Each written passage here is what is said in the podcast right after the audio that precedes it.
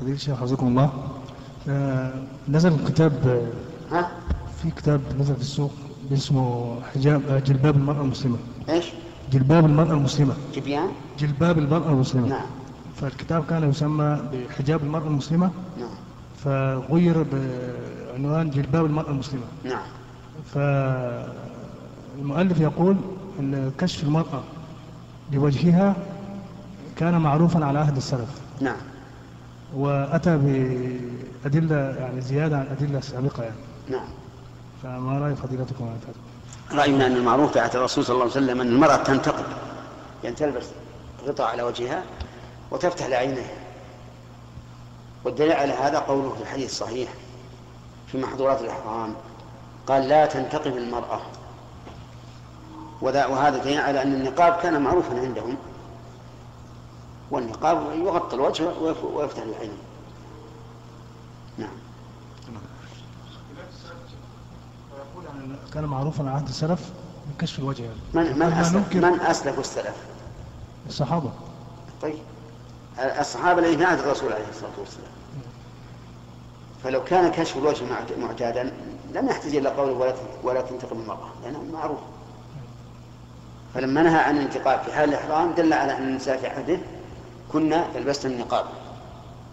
هل صح شيخ الصحابة الأصح الذي لا شك فيه أنه يجب على المرأة أن تستر وجهها عن الرجال عن الرجال غير المحارم؟ يجب أن تستر وجهها عن الرجال غير المحارم. ونحن نسأل هؤلاء الذين يقولون بجواز كشف الوجه ووجوب تغطية القدم. نقول بالله ربنا أيما أشد فتنة كشف الوجه ولا كشف القدم؟ يعني يقولون يجوز للمرأة الجميلة جميلة الوجه أن تكشف وجهها.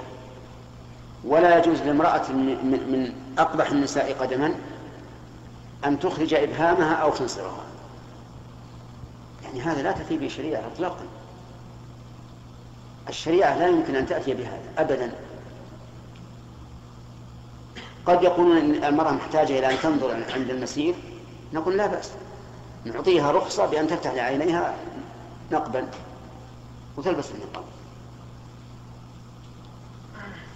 لكن هذا يدلك على ضعف الإنسان وأن الإنسان مهما بلغ في العلم فهو أرض للخطأ.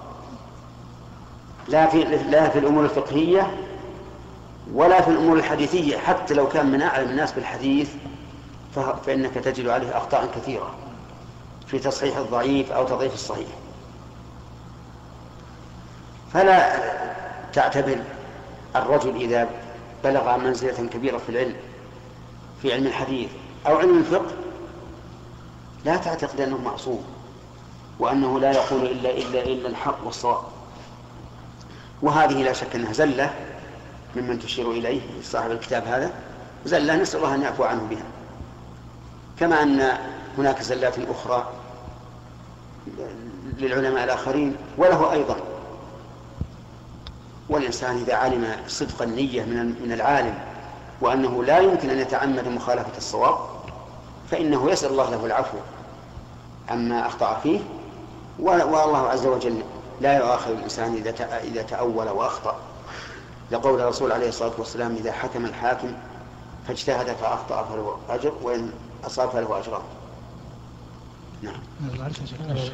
هل صح عن أحد الصحابة بي- بيقال بالجواز عن كشف وجه؟ ولو قال. أي. لو قاله ألف صحابة. صحابة مئة وعشرين ألف. أي.